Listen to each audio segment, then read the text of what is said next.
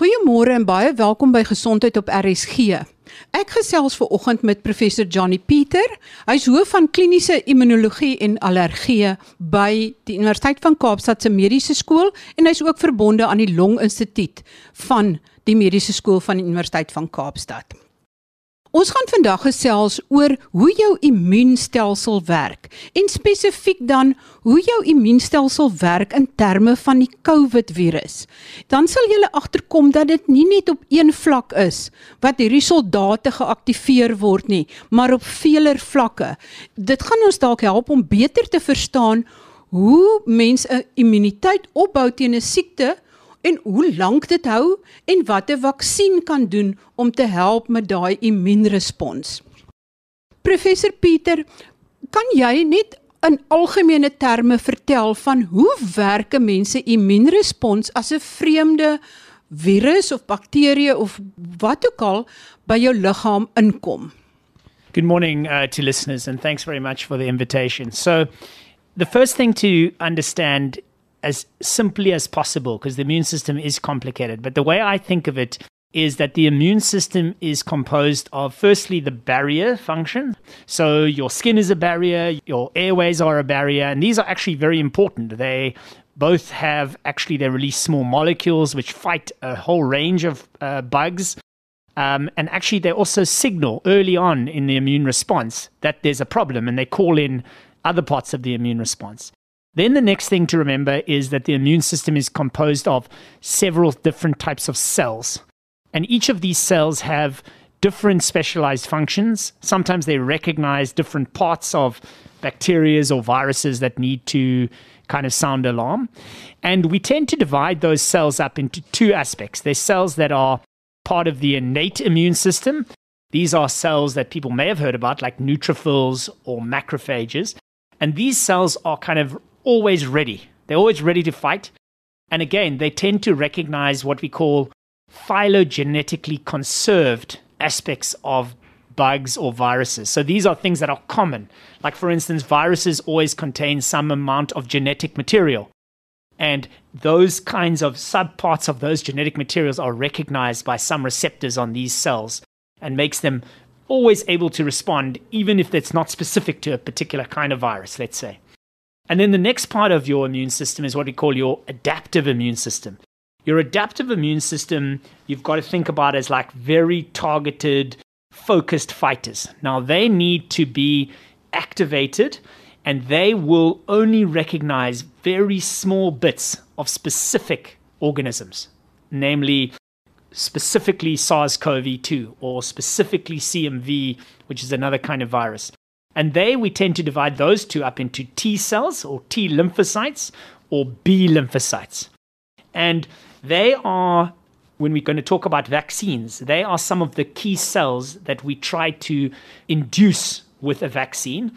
And the reason for that is they are responsible for what we call immunological memory. And what that is, is that once you've finished fighting an infection, some of those cells, some T cells and some B cells, will be preserved as what we call memory cells. So you can have T memory cells and you can have B memory cells. And those memory cells will always be around your body forever. Should you meet that same pathogen again, they will wake up and they will help to rapidly produce an immune response to, to fight off. And what we try to do with a vaccine essentially is to arm those guys and get them ready so that when you really meet the infection for the first time, those cells wake up very fast. So I think those are the kind of basic things.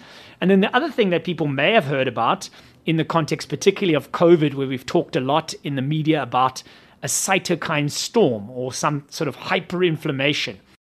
The other thing is cytokines and chemokines, these are the small molecules that the immune cells use to communicate with one another. So they, for instance, will be released by those barriers, your respiratory barrier. They will sound the alarm, and what they will do is they will help immune cells to come into the tissue in your nose where there's now a new organism that needs to be fought or a new bug that needs to be fought. And so they are actually very important molecules. The problem is they can, when they are in excess, have other effects. So, for instance, some of those early molecules, a very simple thing is they make you feel sick like responsible for making people feel very tired or giving people a fever or making them have muscle aches when you get a virus. That's actually the signaling from those small molecules of the immune system. So, like lots of things in the body, is that the immune system is something that it does its best to fight and it's got these different layers. But actually, sometimes if it can't adequately deal with something, it will then start to cause its own tissue damage. Because, like I mentioned, to give you an example, the innate immune cell, which is a neutrophil, inside of that cell is packaged a whole lot of enzymes and systems which make what we call oxygen free radicals. And those are actually dangerous to tissues. So we've got to make sure that we keep those packaged until we need them to get rid of some bugs. And only then do we do that. Now, you can imagine, in the context of, again, what we've been hearing about with hyperinflammation, if those things are suddenly inappropriately released in too much in your lung tissue, then you can start to have a serious problem and get very ill. So, the immune system, I think, from a basic level, is best to think about at these different levels. And healthy immune response to a particular pathogen often involves multiple levels. And it's almost like when one level fails or is not adequate, you have to engage the next level and the next level up. And the consequence, if you have to engage all of those levels and none of them can deal with them, sometimes the consequence is too much inflammation, which then inadvertently can damage your healthy tissue. So dit is nogal 'n baie ingewikkelde stelsel. Maar waar kom die antiliggame en antigene in? Want ons praat die hele tyd van teenliggame as ons praat van COVID. Hulle toets ook die teenliggame om te sien of jy COVID gehad het. Maar nou lyk dit of daardie teenliggame eintlik net een vlak van die respons is. That's exactly right, actually. So, the place where we're really talking about when we're talking now about a specific infection organism. So, in this case, we're talking specifically about the SARS CoV 2 virus, which is a single cell RNA virus. When we start talking about antigens and antibodies, we're now focusing in on that adaptive cellular immune system. So, there, the key cells there are T cells and B cells. And what happens is, your bodies has this ability. So the reason that we recognize and that you are you and i am myself is that and i can't give you an organ without your immune system recognizing it and rejecting. Is that this is because of your what we call your adaptive or your cellular immune system. And it recognizes chopped up little bits of your own cells or chopped up little bits of a virus like SARS-CoV-2 it will recognize that and present it. Your body's cells are presenting it to these T cells and B cells and as a result, so when you meet SARS CoV 2, those antigens are really just chopped up bits of the virus. And your T cells will recognize that and will both respond to it and they will make a memory response. Similarly, your B cells will do that, and then your B cells will go through a sort of maturation process to become good antibody making cells, and then they will make different types of antibodies against those specific aspects of the virus let's say you have a SARS CoV infection, we can, one, we can look with a PCR for the actual virus. So we're looking for the genetic code of the virus. Or what we can do is say, has your immune system seen this virus before? And we take actually then bits of the virus and we see, do your body make an antibody that recognizes fragments of the virus? Similarly, we can also do that by checking whether your T cells recognize those bits of the virus. And there's some labs that are doing that, right? And you might have heard people are referring to spike protein or nucleocapsid protein or different envelope proteins. So the virus itself has got these different proteins. And what you basically do is you can look for antibodies directed against different aspects, and you can look for T cell responses against different aspects of the virus. So that's how that works. As ons kyk na SARS-CoV-2 Hoe lank hou die verskillende response? Met ander woorde, hoe lank sal jy in 'n mate beskerm wees dat jou liggaam 'n volgende intog van die virusse sal herken en teen dit veg? So that's a very topical question at the moment and what's important to recognize is that it's not the same for different infections or different viruses. So there for instance, you can have chickenpox as a child, which is another virus and yet, most people that have chickenpox one time will make lifelong immunity. And you can measure their antibodies and you can see that they've got antibodies 20 years later. What it appears is that with SARS-CoV-2 virus, that this is not entirely the case with respect to antibodies. However, probably with respect to T cells, it is the case that there is long-lived memory responses. What's been interesting is that, of course, this has been evolving, and we're only, you know, 18 months or just over into the pandemic. So some of our response, like checking for responses, are only as long as that. But we have derived some data from the first SARS CoV and also the MERS coronavirus. And really, what seems to happen in terms of antibody responses is people start to drop their antibody responses at about six months from an infection, right? And that means that we've seen, we're starting to see more reinfection. But what we suspect and what is confirmed by data is that mostly T cell responses to those same things are much longer standing. So people have been, you know, in fact, with SARS CoV 1, people have several years after infection still got T cell responses. This is probably similar, uh, and I think it's probably worth explaining one aspect that's going on, which is my view, and I think it is borne out by the evidence, which is that we have to distinguish between neutralizing antibody responses, right, which might be what protects you from getting any kind of infection, right? So when those antibodies are very high, they probably go and sit on your respiratory surfaces and when the virus arrives in your respiratory tract, they actually block it and it doesn't bind. That's what we call a neutralizing antibody. However, those levels probably wane, which is why people become vulnerable to infection. However, once you actually have infection, so once the virus has now got into your respiratory tract cells and is replicating, then you start to evoke your other immune responses. Those include adapt innate immune responses, like we talked about earlier, but particularly you probably evoke your long lived T cell memory responses. And it's those responses that help to also talk to your other antibody responses. So early on in infection, in your second infection, for instance, you probably you will make antibodies a whole lot faster than you did the first time. So in the first time, it might have taken you one, maybe two, maybe three weeks even to make good antibodies. When you get reinfected, you probably make antibodies in a few days because your T cells are waking up, and also your T cells are helping you to control the virus, which means you don't get severely ill. If you now take that away from infection and you look at vaccines, one of the things that is striking is that there's a lot of differences we're seeing in how much antibody a particular vaccine might induce, or one dose, or two doses, or three doses. But what seems to be quite consistent is the fact that the vaccines are generating good T cell responses. And to me, that's partly why we're seeing quite consistent data in terms of the performance in vaccines in keeping people from severe disease or hospitalization or death. So you might not necessarily like, you know, get no infection, but in the end, your immune system is still working and your adaptive immune system, which is your memory part, is still working. And that's helping to you know, stop you from getting very ill. And it's waking up quickly. Wat gee die beste immuunrespons? Die siekte self of die vaksin? It's a very good question and it's a very interesting uh, question. So, the first thing is that natural infection, what's fascinating is that if you were looking, you know, we were talking about antibody levels. One of the things that we also note is that antibody levels have seemed to correlate with disease severity. So, in other words, if you had a asymptomatic infection, you might have no antibodies or very low antibodies. And if you were very sick and landed in hospital, your antibody levels were very high.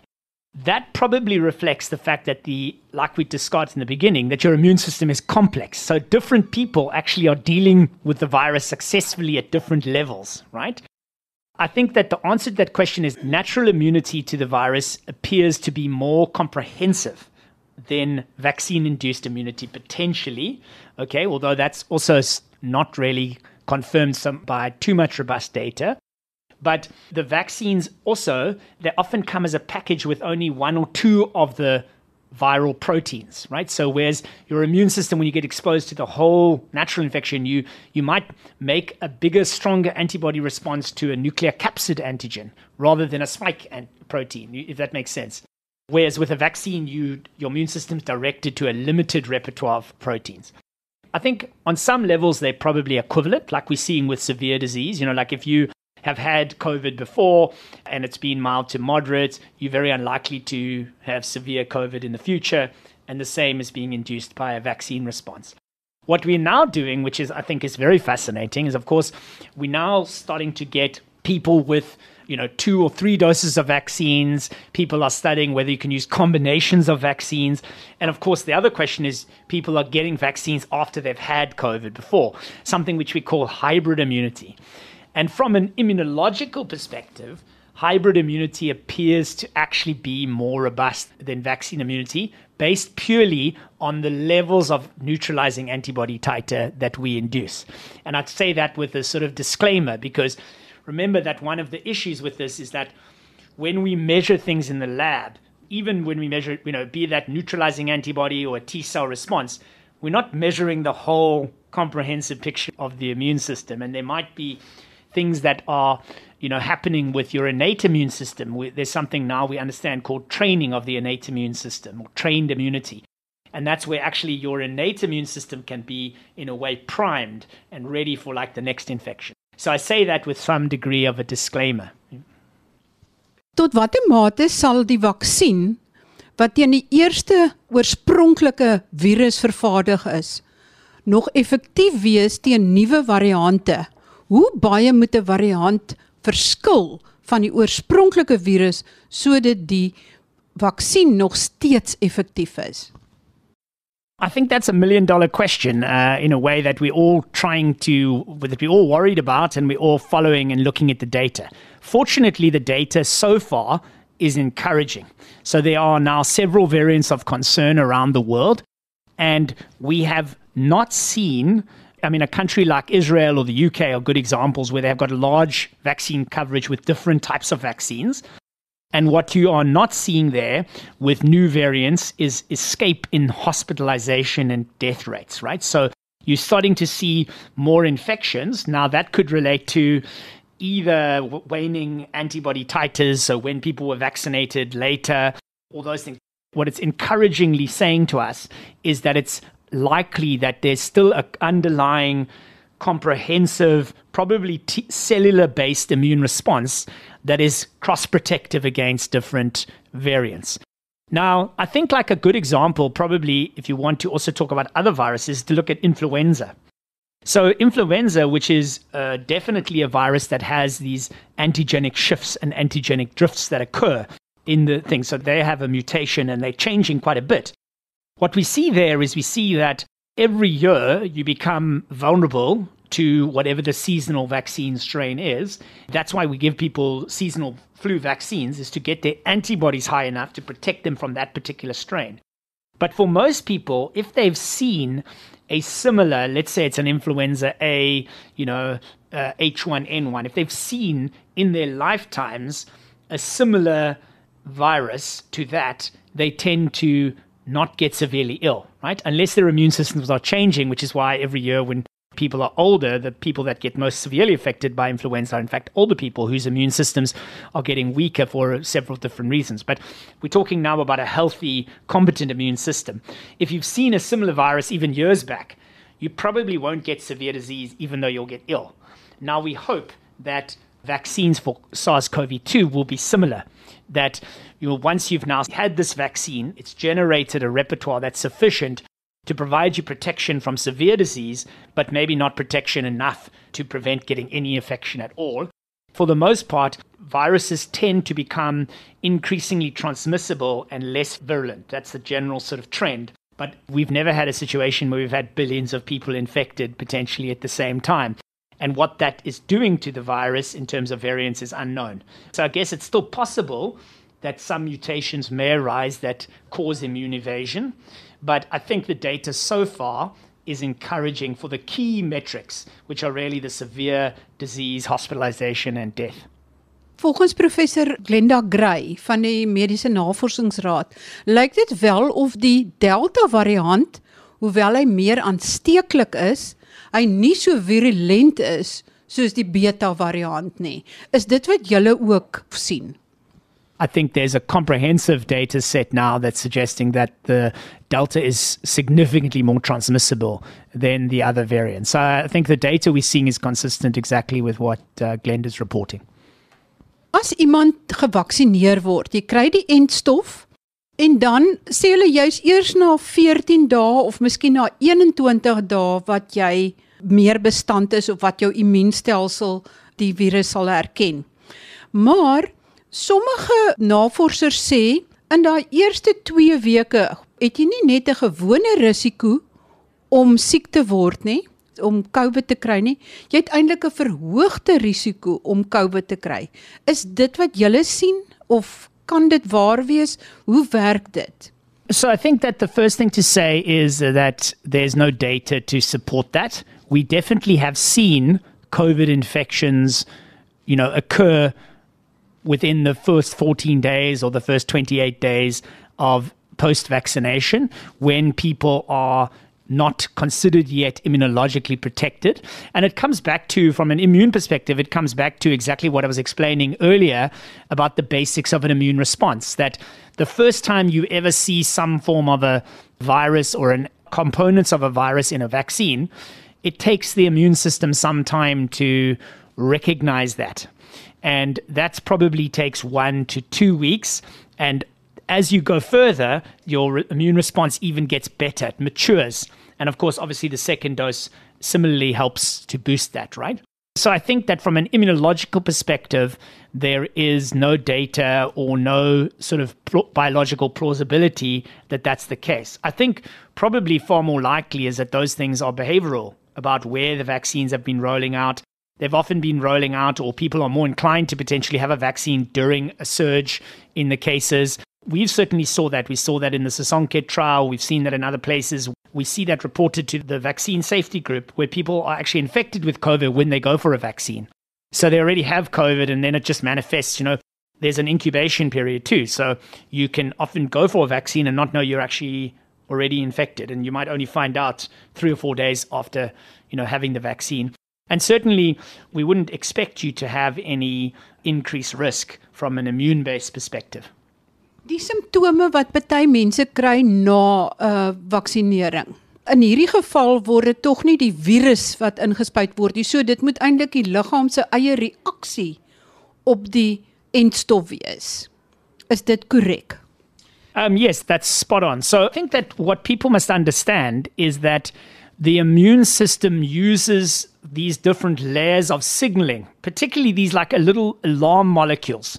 So when I was explaining like how a virus would get in and you know go into your respiratory tract, your cells would release these little molecules, be they cytokines, antibacterial molecules or antiviral molecules. Those actually cause you often to feel sick. That's what's responsible for fevers, for muscle aches, for those symptoms in a way, with a vaccine, we are trying to do that. We are trying because those molecules help your immune system to actually make a good, strong response. So, a lot of the early side effects, we see this sort of in the first five days after the vaccine. A lot of those side effects relate to the immune response that we're actually trying to generate to make sure that the immune response will last as long as we can to the virus that we're interested in. So, uh, what's been interesting is that the vaccines use different strategies to do this, right? So, the two ones that we've got in South Africa at the moment are the mRNA vaccine strategies and the adenovirus vector strategies. And the adenovirus vector strategies, in a way, they introduce your body is getting infected with another virus, an adenovirus, right? What's happened is we've used genetic engineering to add the COVID proteins into that virus, right? But the key about it is it's called a non replicating virus. What means is it just gets into your cells and then it can't do what a normal virus does, which is to replicate and break your cells and get released. It doesn't do that, it stops. So it just gets taken up enough to get presented to the immune system and to wake up all of these systems. And then it delivers the message of the SARS CoV 2 to the immune system to hopefully make a memory. And those molecules that are making you have muscle aches, making you feel sick, are in fact helping the other parts of your immune system to make a good response. The mRNA vaccines are doing that in a slightly different way. They've got some of a, a like a nanoparticle lipid carrier, and the actual RNA itself is also triggering the innate immune system as well as triggering the adaptive cellular immune response. So we actually consider that what we call reactogenicity to vaccines to be good and a normal immune response. And quite a lot of people have reported to me that they've found that worse when they've had COVID. So a lot of people are saying that when I had a vaccine after I had COVID, now I feel like I got COVID again in the first few days. My symptoms have come back. Now that actually reflects the fact that you made an immune response to your COVID when you had it, and now your body's being reminded that hey, this is like similar. And it's then making a good, strong response. And that's why you're kind of feeling sick again for a few days. But the advantage of it is you always have to think about the long term, which is that that means often that you're going to have a better, longer memory response to protect you in the months ahead. So vinnig kom ons aan die einde van vandag se program. Maar skakel volgende week weer in, dan sit ek die gesprek voort met professor Johnny Pieter immunoloog van die Grooteskier Hospitaal en die Universiteit van Kaapstad en ook verbonde aan die Longinstituut van die Universiteit van Kaapstad. Hy gesels dan verder oor die verband tussen jou immuunstelsel, COVID en die COVID-vaksines. Gaan kyk gerus op RSG se webblad rsg.co.za. Ek het daar interessante agtergrondinligting gelaai oor die verskillende komponente van 'n mens se immuunstelsel. Tot volgende week dan groete van my, Marie Hudson.